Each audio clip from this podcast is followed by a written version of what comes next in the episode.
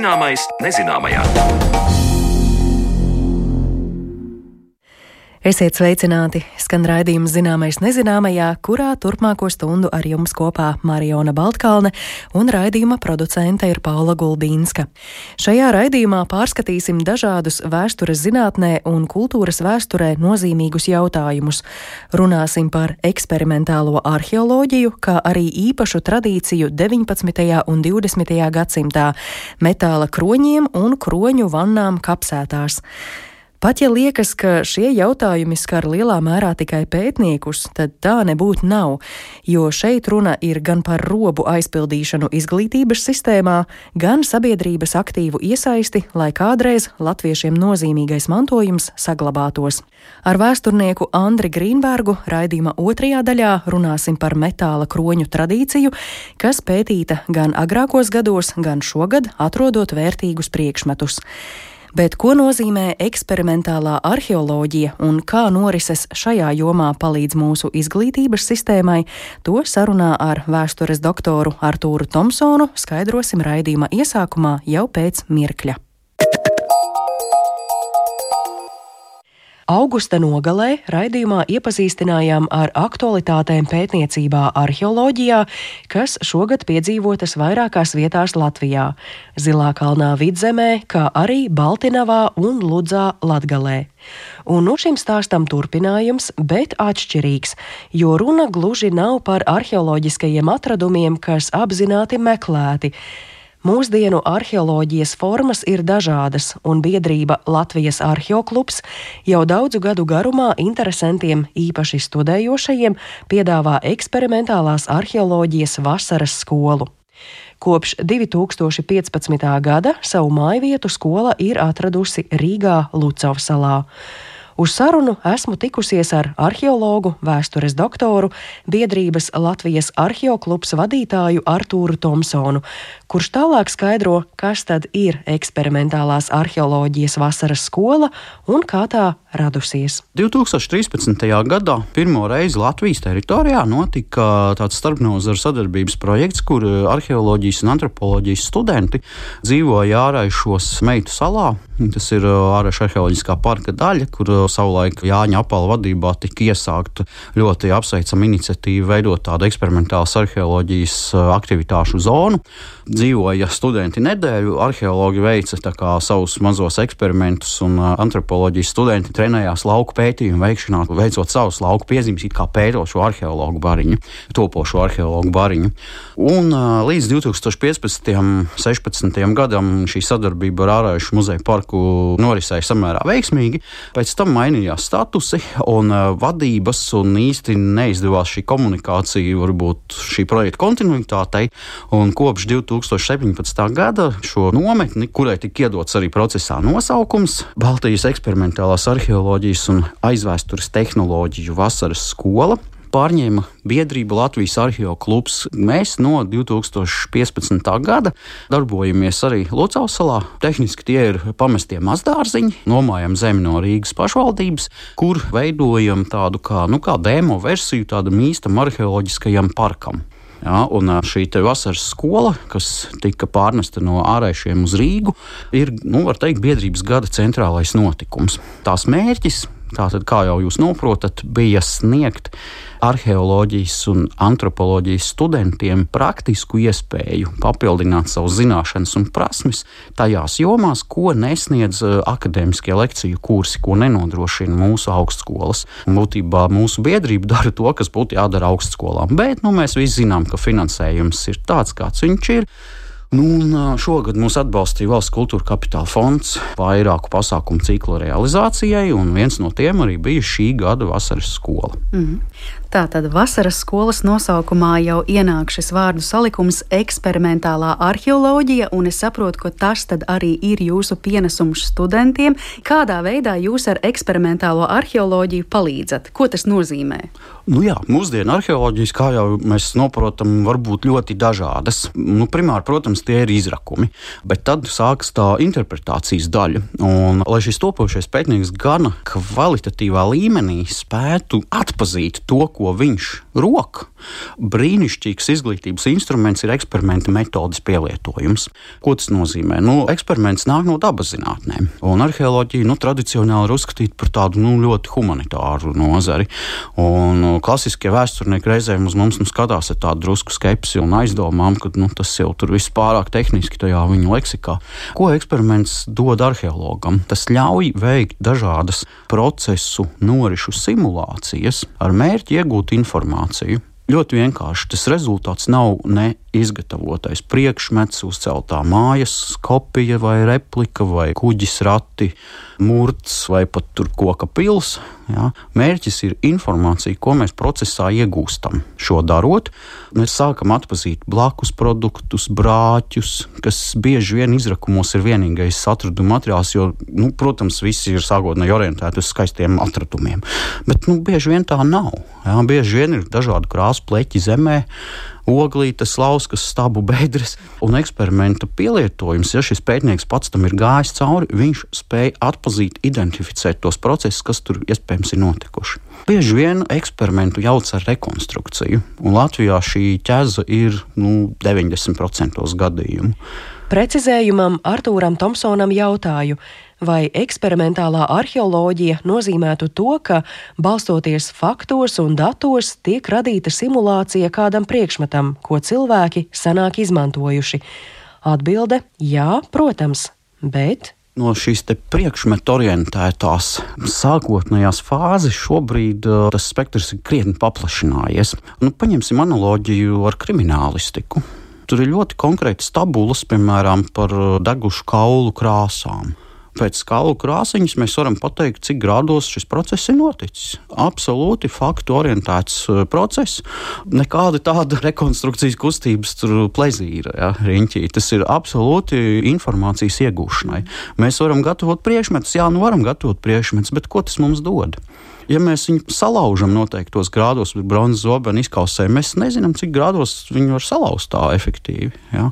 Varbūt vajag uzsildīt, un tad mēs pastamies tos lūzumus. Jā, tieši tādi paši kā izrakumos atrastajiem. Tātad, laikam, tam var ticēt jau, ko mēs esam noskaidrojuši. Tātad eksperimentālā arheoloģija tā nav tikai priekšmetu veidošana, vienkārši veidošanas pēc. Mans sarunu biedrs arī skaidro, ka pilnīgi jauns un nepieredzējis entuziasts bez prasmēm un iemaņām eksperimenta jautājumu arheoloģiskajam materiālam vēl nemaz nevar noformulēt. Jāpaiet kādam laikam, lai to, ko cilvēks secina pirmo reizi, vēlāk varētu arī pārbaudīt. To var pārbaudīt ilglaicīgo struktūru pētījumos, kam spilgtākais piemērs ir Āraišu ezerpils, kur gan pēc Jāņa apala aiziešanas mūžībā novērojumiem nav turpinājuma. Tātad, pētot akmens laikmeta namus, zemē var redzēt stabu bedres. Arī Lucavas salā pieredzēts, kā šādas bedres veidojas. Piemēram, viena šāda struktūra mūsu dārzā atrodas no 2016. gada. Mēs redzam, ka ā, pēc trīs gadiem viņi sāk šķiepties. Mēs pieliekam jaunu stutīti. Pēc kāda laika vēl sāk šķiepties, pieliekam vēl vienu stutīti.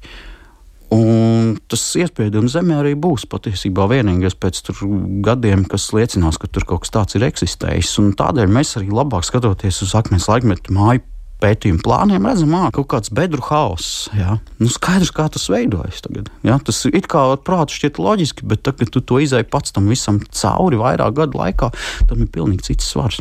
Tad es tagad mēģinot iztēloties, kā notiek jūsu vasaras skola. Tātad šis jaunais students ienāk jau šajā radītajā teritorijā, tad jūs pētat plānus arī izmēģināt dažādas metodes, tostarp arī šo priekšmetu veidošanu. Tā ka tās ir ļoti daudzas un dažādas lietas, kas šajā visā satilpst iekšā. Ja?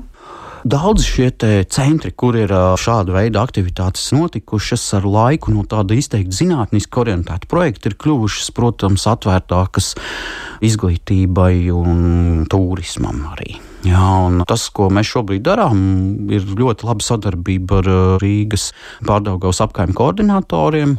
Šobrīd notiek sarunas nu, par patstāvīgas vietas iegūšanu un tādu ilglaicīgu centru veidošanai Protams, tur ir daudz jautājumu, bet uh, tas, kas šobrīd ir izdarīts, nu, pierāda, ka mēs šo nu, 2015. gadu, tas, tas, ko visi saka, šī ilgtspēja ir pierādīta. Un tas, kas šobrīd tur pastāv, tas ir, protams, tas klasiskais dalījums pa laikmetiem, kad uh, sāk ar tālāku pagātni un uh, iziet cauri. Akmens laikmets, bronzas laikmets, vikingi, dzels laikmets, viduslaiki. Daudzās valstīs ir redzēti šie paraugi, piemēri līdzīgi.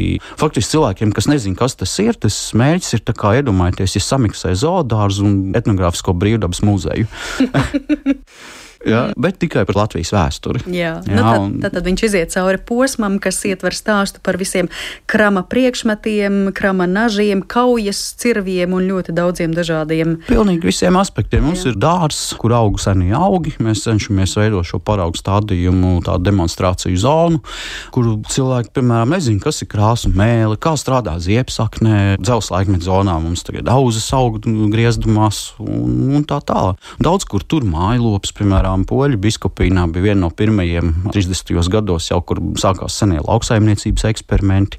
Tas nav tikai par priekšmetu taisīšanu, tas ir par informāciju, par izglītību, par, nu, kā mūsdienās saka, edutainment, jā, latviešu izglītība plus izklaide. Jā, īpaši nu, ņemot vērā to, kā tiek mocīts Latvijas vēstures mācīšanas moments, jā, šis te, ko mēs darām, varētu būt gan, gan piesaistošs vēstures skolotājiem, potenciāli nākotnē attīstīt šo sadarbību. Vai eksperimentālās arheoloģijas vasaras skola ir Latvijas unikāls stāsts, vai šeit jūs iedvesmu arī esat smēlušies varbūt no citu valstu piemēriem? Latvija šajā jomā ir diezgan unikālā situācijā, jo visās valstīs ap mums eksperimentāla arheoloģija tādā vai citā līmenī ir augstskolu programmu daļa.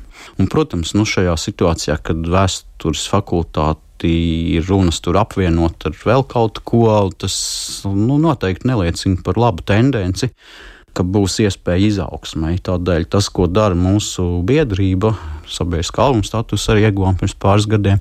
Esam Eiropas Arheoloģisko brīvdabas muzeja asociācijas biedrs. Tas, ko dara nu, šī biedrība, tā ir tāda, nu, diemžēl, spiesta alternatīva, lai šī niša nu, nepaliek pavisam tukša. Jo, piemēram, nu, mums ir Latvijā tas ārējais arheoloģiskais parks, bet nu, pēc Jāņa apela aiziešanas tur viss jāsāk no sākuma. Viss šī informācija, nu, tie ilglaicīgie projekti nu, ir jāpieskata vienam cilvēkam, un tikko ir pārā, mums nu, tie dati zūd. Jā, šobrīd nu, tur ir liels darbs jāiegulda, lai kaut ko varētu saglabāt, manuprāt. Eksperimentālās arheoloģijas vasaras skolas formāts laika gaitā ir mainījies. Pašlaik tas izpaužas kā atsevišķu vienas dienas lekciju cikls, dalībnieki pārnakšņo mājās, un tad var no rīta atkal būt klāt. Biedrība Latvijas arheoklubs rīko arī dabas pārgājienus, vairākus gadus piedalās Eiropas arheoloģijas dienu pasākumā un festivālos, Šī gada oktobrī Latvijas Universitātes vēstures un filozofijas fakultātē notikusi starptautiska zinātniska konference par godu eksperimentālās arheoloģijas vasaras skolas desmitgadēji, un procesā ir arī digitālo rakstu krājums. Vēl nu pat kā publicēti divi šķirkļi Latvijas Nacionālajā enciklopēdijā par eksperimentālo arheoloģiju pasaulē un Latvijā. Kā norāda Artūrs Tomsons, tas cerams, beidzot ļaus kliedēt mītus un aplamos priekšstatus, jaucot eksperimentālo arheoloģiju ar visu ko citu. Plašāk biedrības Latvijas arheoklubs aktivitātēm iespējams sekot līdzi sociālajos mēdījos. Ir Facebook un Instagram lapas Latvijas arheoklubs, atsevišķa Facebook lapa angļu valodā Baltijas eksperimentālās arheoloģijas vasaras skola, un rakstus var lasīt blogā arheostudija.lv.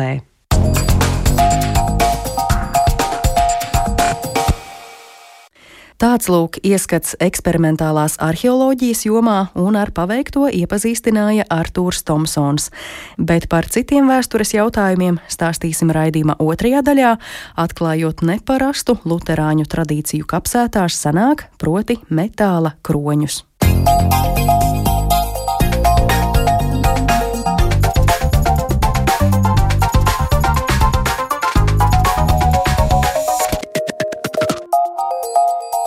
Zināmais nezināmajā.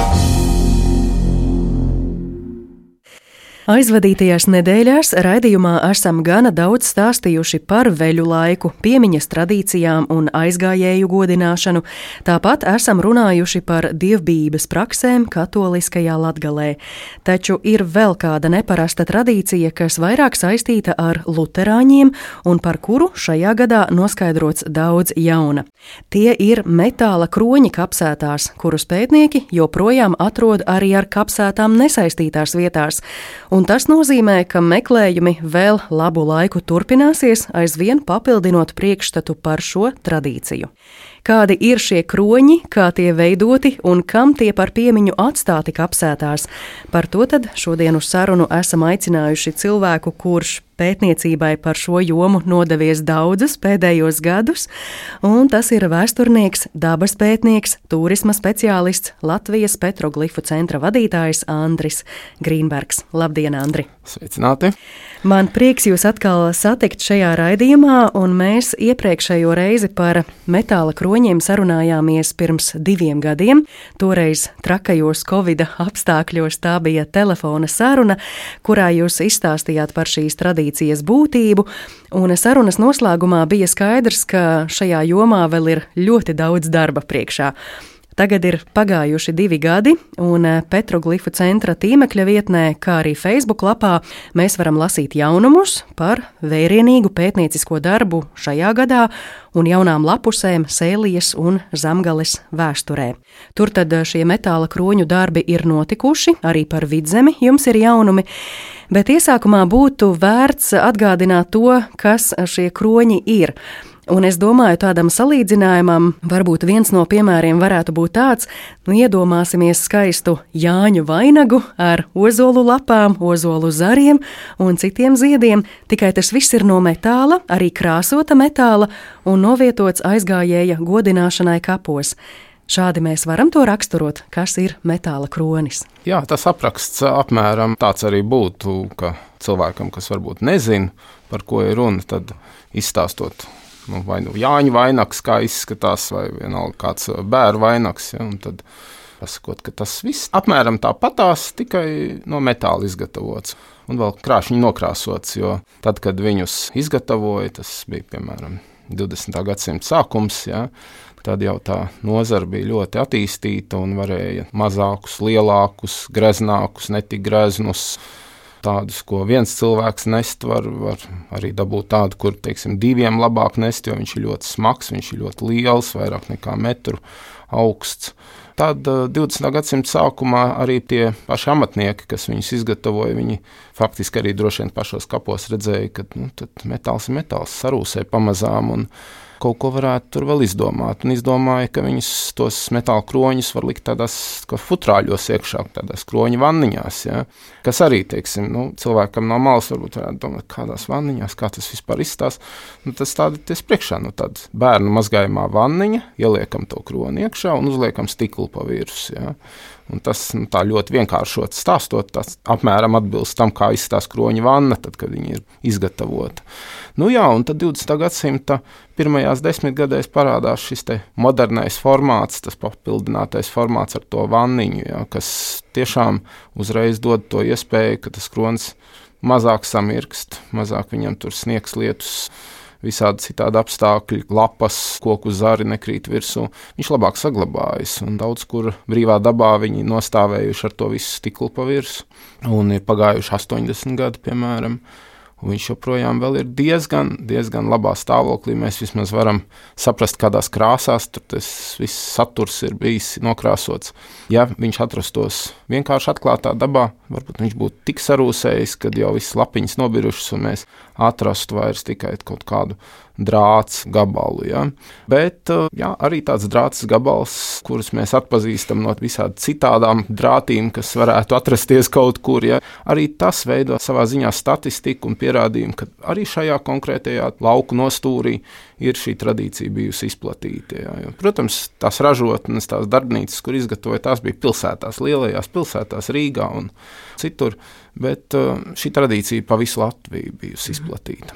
Labi, tad mums ir gan metāla kroņi, gan metāla vanniņas. Kā tad šis process tagad notiek? Tas viss tiek nolikts uz kapu kopiņas vai, piemēram, pie krusta, uz krusta. Šiem metāla kroņiem ir divi veidi, kādos viņi ir izgatavoti - ar kājiņām vai bez kājiņām. Ja kājiņas nav, tas viss vainags ir uz tādas metāla stīpas, kas ir nu, nosacīta apaļa, olveida, nu, kā nu kurā gadījumā. Nu, viņš, protams, gāžās teiksim, tā vieglāk. Bet, ja viņam apakšā ir tādas nelielas kājiņas izstrādātas, kuras parasti ir apmēram 10 cm garas, tad viņš ir daudz vieglāk nostutējams, stāvus, mazliet slīpi. Tā, tā kā tiem, kam nebija tās kājiņas, viņus, protams, ērtāk varēja uzlikt, piemēram, uz tā paša krusta. Ja?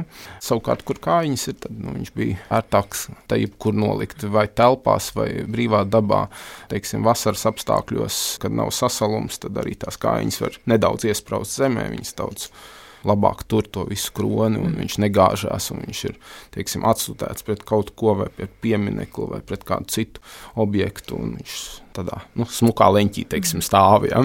Un kā ar vanniņu, to liek uz kopiņas vai pie kopiņas? Pie uz visdrīzāk nē, jo arī vaniņām, lai viņas būtu tādā pareizā novietojumā, viņām pat ir divu veidu kājiņas iespējams apakšā. Tas līdzīgi tāpatās kā kronim, viņas var iesprāst, teiksim, smiltīs, bet vaniņām ir ļoti raksturīgi, tas gandrīz vairumā gadījumu ir, ka viņiem ir aizmugures statīvs. Atkal divu stieņu dzelzs konstrukcija, kas viņu notur 70, 80 grādu slīpumā un viņa daudz labāk eksponējas nekā tad, ja viņa, piemēram, tīri vertikāli stāvētu vai gluži otrādi tīri horizontāli būtu nolikta. Ja? Riskantākais visā tajā vaniņā ir būtībā stikls, jo dabā visādi gadās. Koku zari krīt, eh, vandāļi arī diemžēl ir, ja? un nu, viss visādi var gadīties, ka tas stikls kaut kā saplīst, ieplīst.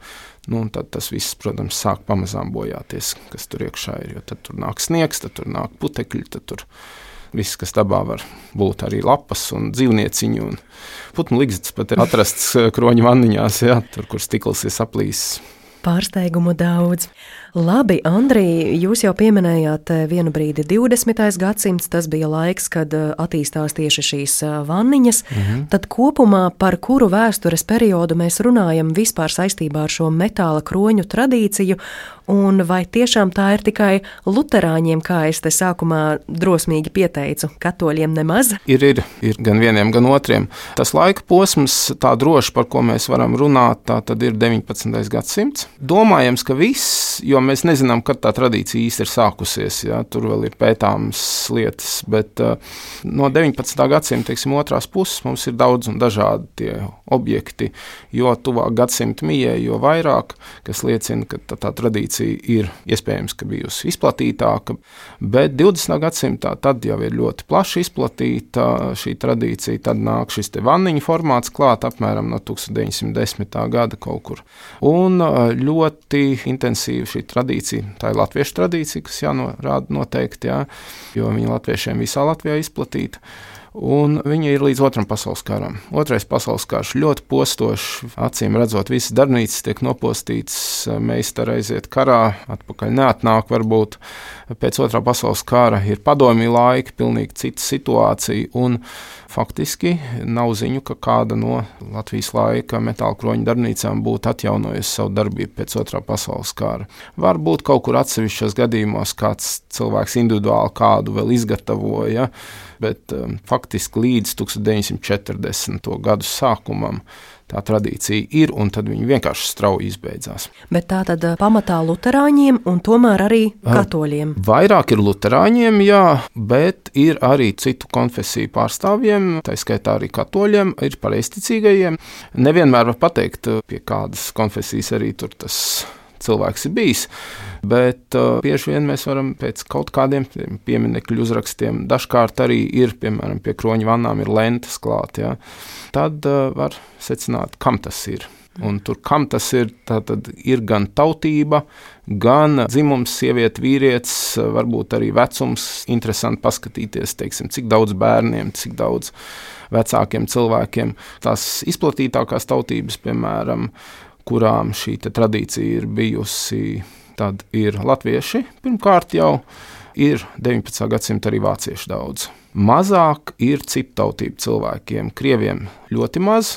Ir atrasti arī pa kādam lietuviešu. Šogad, piemēram, Jēkabpils pusē vienam polim atradās metāla kroņa vainags. Ja. Par igauniem skaidrs zināms, ka igauniem arī šī tradīcija izplatīta ir bijusi. Mēs dažādās ekspedīcijās ar Igaunijā esam gadu gaitā arī gan atsevišķos kroņus, gan kroņu vannas apskatījuši ir arī Igaunijas etnogrāfiskajā muzejā diezgan liela metāla kroņu kolekcija. Lietuvā tur tā kā mazāk tās ziņas, kur ir droši, kur Lietuvā tās ir tuvu pie Latvijas robežas, var gadīties, ka, piemēram, tur Jonišķa apkārtnē latviešu apbedījums, un tad varbūt vienkārši no Rīgas latviešu tradīcija un tā.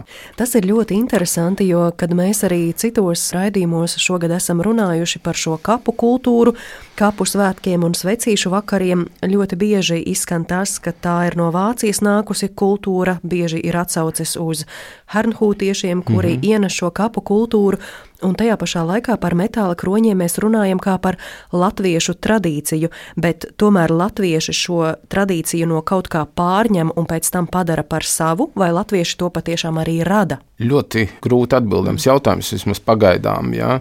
Varbūt, kad mēs esam pārņēmuši no vāciešiem, bet tas vēl ir arī pētāms jautājums. Un ir arī tāda interesanta problēma, ka šajos metāla kroņos ir dažādi augi, dažādi ziedi. Un mēs redzam, ir ozola lapas, ir rozes, ir narcises, ir daudz citas skaistas lietas, kuras pazīst katrs no mums. Un tā pēkšņi ir kaut kāds augs, kaut kāds lapiņas, kuras mēs vienkārši nezinām, kas tas ir. Un tad ir jāiet pie biologiem. Mm. Un, Nu, ir bijuši gadījumi, kad aiziet pie tā biologa, un viņš arī domā, nu, kas tas vispār ir. Jā. Un, ja pirms pieciem gadiem mēs tādas atsevišķas lietas pat uh, neatpazinām, kas tajos kroņos, piemēram, ir atveidots, tagad mēs jau nu, ir lietas, kuras mēs jau zinām. Šis ir akants, piemēram. Ja? Tāpat arī, piemēram, Latvijā mēs dabā edelvējus neredzam. Ja? Un tad mēs arī pēkšņi metāla kronī redzam šo edelvējus. Ja? Un tagad jau pēdējos gados vēl vairākās vietās viņi ir atradušies. Tagad jau mēs zinām, jā, mhm. tas, tas ir tas ārzemju jauks, kur mēs sākumā nemaz neatpazinām. Vesela kroņa bioloģija. Jā. Ja es te sākumā salīdzināju ar Jāņu vainagu un ozolu lapām, vai mēs metāla kroni varam salīdzināt ar adventas vainagu, kurā ir arī skujas, vai ir metāla skujas? Faktiski nav. Jā. Ir tradicionālas lietas, populāras sugas, kas ir atveidotas, nu, teiksim, pat lapām runājot, ja, teiksim, ozola lapas, lauru lapas, bet ir arī tādas mums visnotaļ labi zināmas koku sugas, kā piemēram liepa, kura vainagos faktiski nav. Kāpēc? Tas ir arī interesants -hmm. jautājums. Arī kļava, piemēram. Ja. Pa visu Latviju šobrīd jau mums desmit gadu laikā ir 622 metāla kroņi apzināti. Ja kļavu lapas ir ļoti, ļoti maz, kaut kur varbūt eh, pusprocentā no viņiem. Nu, kāpēc tā? Nu, nav ne liepa lapa, ne kļauja lapa, kaut kas tāds ārkārtīgi grūts un sarežģīts. Ja, ja mums, teiksim, amatniekam, meistaram ir jāizgatavo liepa lapa vai, piemēram, kaut kāda papardīta saldsaknīte, ja, tad es teiktu, ka liepa lapas mēs tagad varam pasaukt cilvēks no malas, viņas sataisīs, varbūt tīri labi sanāks. Ja. Bet papardīta saldsaknīti vai pīlāģa lapu vai vilkābeles lapu ir daudz grūtāk iztaisīt no tā skārda, ja, nekā mm. to liepa lapu vai varbūt arī kļauju lapu. Bet nav. Ir tādas mm. sugas, kuras nav, un ir tādas sugas, kuras ir varbūt vizuāli liekas sarežģītas. Bet jā, viņas varbūt izskatās skaistāk varbūt, nekā liepa lapas. Bet, ziniet, es šajā saistībā iedomājos, ja reiz ir dažādi augi, kuri arī Latvijā nav sastopami, tas pats ēdelvejs un akanta lapas, tad varbūt tie bija ļoti turīgi cilvēki, tie turīgie latvieši, kuri devās ceļojumos, saskatījās redz kādas tur skaistas lietas, un tad devās pie meistara, kuriem e, šie turīgie cilvēki arī spēja samaksāt, un lūdzu, man tagad no laba metāla ar labām krāsām izgatavojiet kaut ko tādu. Jā, droši vien, ka tieši tā varētu arī būt bijis. Ja? Nu, tieši kā tajās darbnīcās tos kroņus izgatavoja, mums vēl ir diezgan, diezgan neskaidra tā bilde, bet e, vienā privāta kolekcijā Latvijā ir e, katalogs kur mums arī izdevās apskatīt, iepazīties ar viņu. Un tajā katalogā, kas ir vācu valodā, kas arī liecina domāt mums, ka tā vācu saikne varētu būt sākumā. Nu, tur, jā, tur ir bezgalīgi daudz visādi lapu veidi, plaša izvēle. Un, protams, jāsaprot, ka metāla kronis nebija lētsprieks. Tas vienā ziņā arī liecina, ka teiksim, arī Latvijas laukos latviešu 19. gadsimtā nu, varēja atļauties šādu diezgan padārgu prieku. Ja? Un ir kaut kur nedaudz tāda tendence novērot, ka metāla vainagi vairāk parādās uh, ziemas periodā. Zaļo augu ir maz, arī cenas varbūt ir augstākas nekā vasaras periodā, teiksim, ap jāņiem. Ja? Un, ja tā vajadzība ir teiksim, kaut kādā janvārī vai februārī, metāla kroņi varbūt ir pat vairāk uh, izplatītāki bijuši nekā citos gada laikos. Tā tad alternatīva dzīvajiem ziediem, lai kaut kas ilgāk saglabātos Jā. kapos. Jā, ievērojami ilgāk.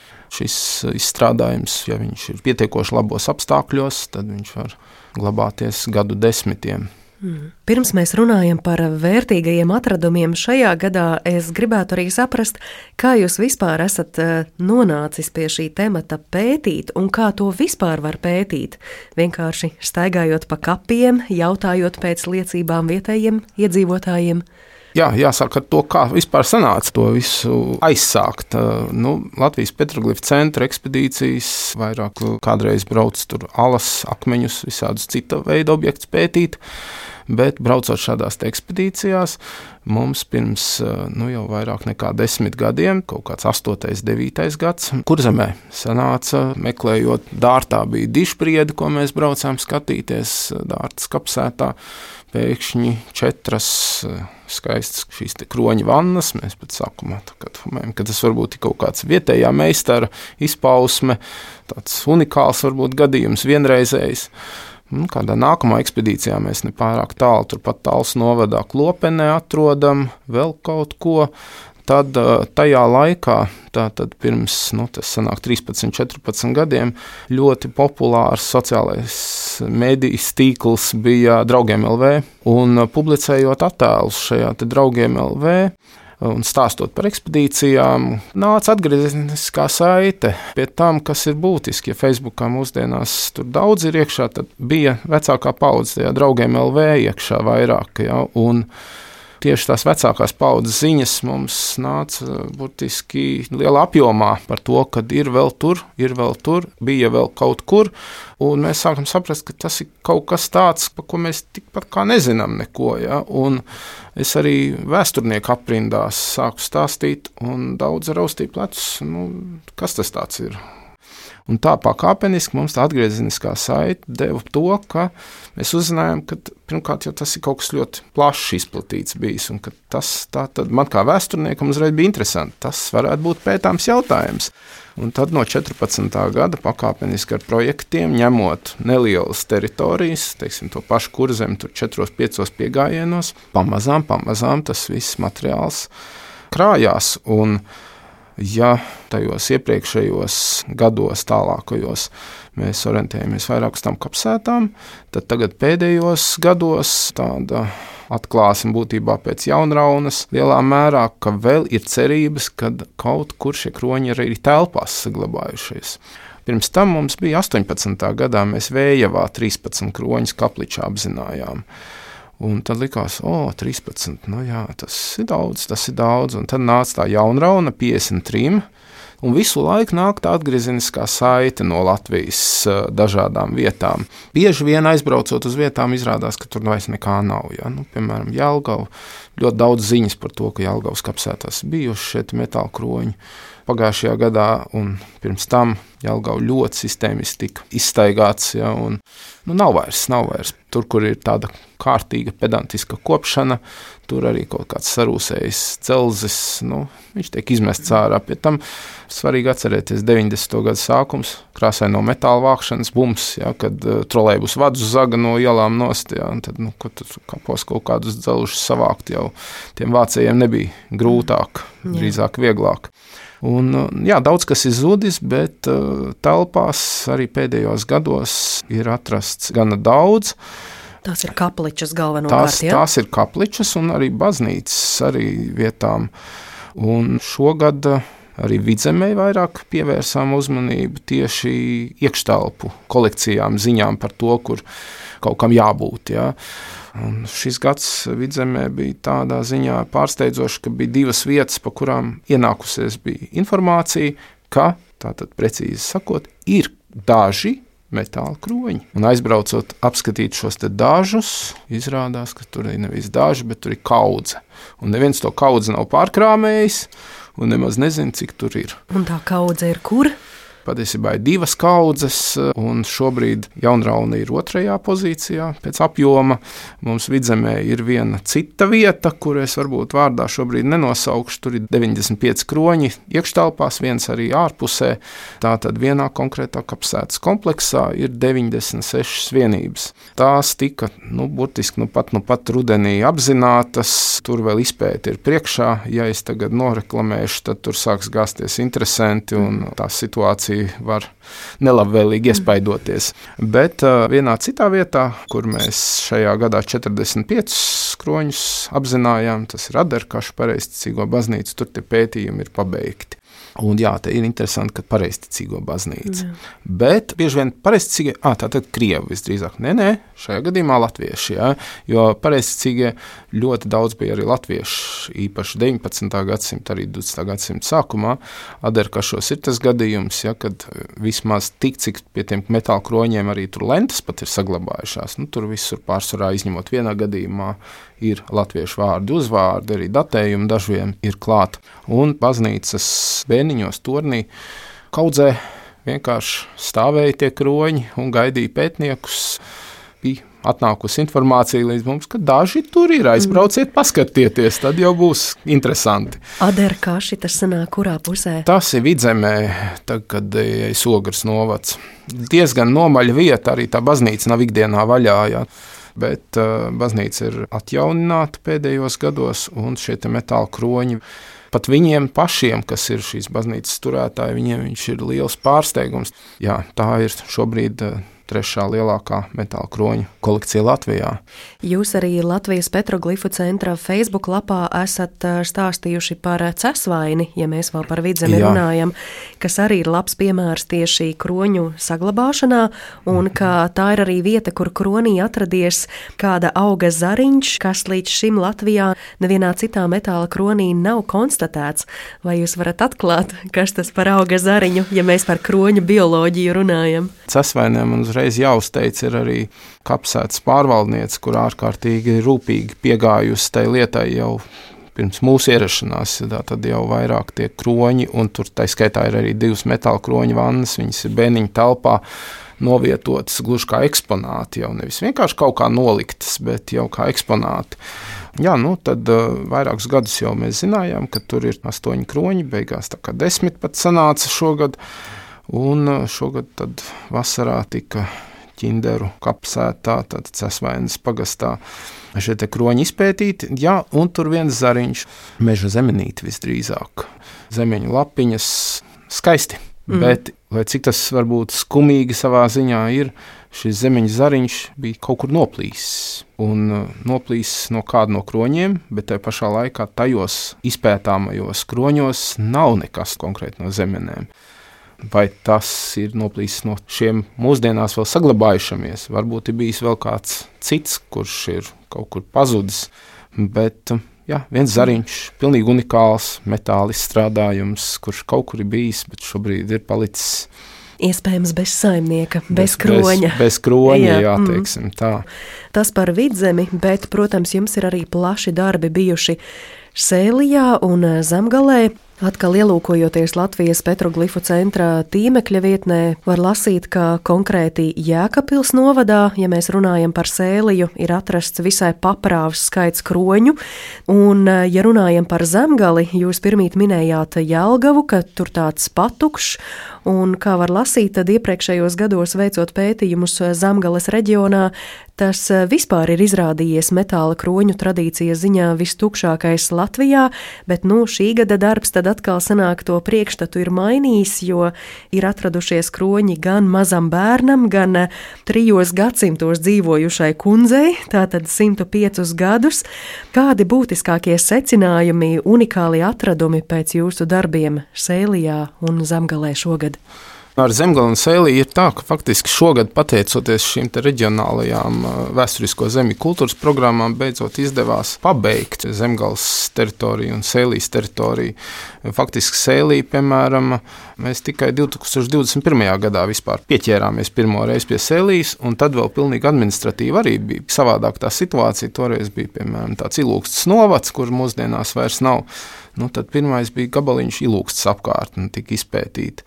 Pēc tam pagājušajā gadā bija aizkrauklis novads, kas jau ir jau pašreizējā, nu, būtībā arī vecā rajona teritorija, sēlijas daļa. Nu, un šogad Jēkabils novads, un var faktiski teikt, ka sēlija ir izņemta cauri vismaz tā sistēmiski. Līdzīgs stāsts par zemgali arī.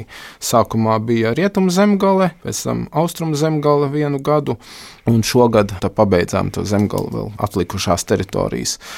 Cik daudz zemgalē? Nu, jā, ir mazāk, piemēram, tīri statistiski šogad pētījuma sezonā 4 kroņa vannas, 18 atsevišķie metāla kroņi, tad 22 vienības pa visu zemgala jau apzinātas. Tā pašā laikā 45 kapsētas, kuras tika izpētītas, bija pilnīgi tukšas. Jā. Nu, 45 ir daudz īstenībā. Nu, jā, daudz kas zūd, kaut ko vēl izdodas sagrabināt, sameklēt. Mm. Un, eh, jā, tie pieminētie piemēri. Jā. Par to mazo zēnu un eh, veco kundzi. Jā, jā ļoti, ļoti kroni. dažādi, ļoti dažādiem vecumiem. Jā. Tas nav tā, ka teiksim, tur tikai kaut kādam vidusmēra, vidējam cilvēkam. Jā. Nē, ir ļoti daudz metāla kroņu, kas ir maziem bērniem likti. Ir arī šis jā, interesantais gadījums, kur mēs redzam, ka ir dzimis cilvēks vienā gadsimtā, dažus gadiņus nodzīvojis, tad ir viss lielais gadsimts un vēl trešajā gadsimtā ir arī pamanījies padzīvot. Jā, tad, kad tiek atrasts tas metāla kronis, jā, tad uh, viens ir nofotografēt, viens ir izmērīt, bet ļoti svarīgs moments ir pēc iespējas vairāk dabūt nu, datējumu faktiski. Jā. Un tad tajos datos, ko mēs skatāmies, mēs skatāmies tos dzīves laiku, jau var redzēt. Kādā tekstā ir rakstīts kaut kur uz krusta vai uz pieminiekļa. Bieži vien varbūt uz tā metāla krusta ir ielikās nu, pat kaut kāda teiksim, reliģiska frāzīte. Ja. Bet mēs uzreiz redzam, šī ir latviešu valoda vai šī ir vācu valoda, piemēram. Ja. Tāpat arī, protams, ja tur ir vārds, tad uzreiz mēs varam saprast, vai tas ir sievietei vai vīrietim. Nu, ja tur ir kaut kāda vēl cita informācija, dažkārt, piemēram, tur rakstīts, ka tur nomirst tādā un tādā vecumā. Nu, arī uzreiz ir skaidrība, ka tas ir bērnam, piemēram, vai tas ir senioram, kuram tur 80, 90 gadi. Nu, tāda tīra statistika, kas arī dod diezgan interesantas lietas. Mm -hmm. Tas ir tie unikālie stāsti par zemgali, bet, ja runājam par sēliju, tad tur gan tas kroņu skaits ir visai iespaidīgs, vai ne? Sēlijā ir nedaudz vairāk, kaut gan sēlī, nu, teiksim, ja to Latvijas kultūra vēsturiskās zemes piecas mēs skatām, tas sēlī tā mazākā. Bet nu, Sēlijā ir tāda nu, daudzveidība. Ja. Es jau piesaucu to poļu gadījumu, ja, kur teiksim, latvieši vairākums, ja, bet Sēlija ir tā vieta, kur mēs varam atrast arī lietuvietim kādam, ja, nu, tam pašam polim. Arī paši tie metāla izstrādājumi ir Sēlijā tādi, kuri ir nākuši no dažādām darbnīcām. Mēs nezinām, kur viņas ir bijušas, jo tur nav etiķeta klāta, ka tas ražots Rīgā. Ja? Bet uh, varbūt arī Daugopilī, varbūt kaut kur Jēkabpilī. Uh, var redzēt, ka pēc tiem metāla izstrādājumiem viņi ir dažādi meistaru darinājumi. Un, piemēram, pagājušajā gadā tajā pašā sēlijā, sunāktas pusē, tika atrasti divi kroņi, kuriem ir ārkārtīgi dīvainas tās apakšējās kājiņas. Nu, tik lielas, kādas parasti likt kroņu vannām tādas stūbiņu veidīgas, nu, kādas citur Latvijā nav metāla kroņiem. Par ko tas liecina? Ļoti iespējams, tas ir kāds vietējais meistars, kurš vienkārši izdomājis, ka labāk turēsies šādiem statīviņiem, šādiem turētājiem. Kaut kāda tehniska niansīta, kas uzreiz mums saka, šis ir cits meistars, šis nav tas pats, kas taisīs to iepriekšējo. Cik tā, teiksim, kopskaitā jums sanāca ar sēlijā atrast kādus jaunus kroņus šogad? Šogad diezgan daudz arī sēlijā tika atrasti. Sēlijā pavisam šogad 56 kapsētas ir izpētītas no tām 54 Jēkabpils novadā tieši tās divas vēl pa ceļam vienkārši braucot. Un atklāti tika šajā gadā 18 metāla kroņu tradīcijas objekti, no kuriem 16 bija atsevišķie kroņi, un divas bija metāla kroņu vannas. Viena no tām pie tam ļoti labā stāvoklī, pamestā veidā. Nu, jā, tad pieskaitot vēl klāt uh, iepriekšējo desmit gadu laikā, kas ir apzināts, nu, tad ar Sēlijā ir diezgan daudz kopējais skaits. Bet uh, vidzeme un kurzeme ir bagātāki reģioni. Kāpēc tā varētu, protams, pieņēmums būt, kad kapsētu skaits lielāks, iedzīvotāju skaits lielāks.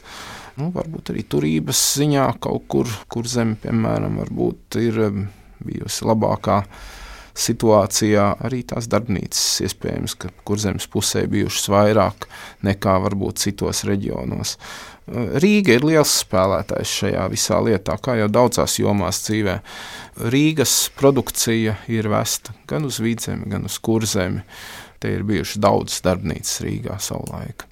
Nu, izskatās, ka jums vēl darba ir eh, daudz priekšā, un arī noteikti tādā latgalē, ja reiz tas bija arī katoļiem.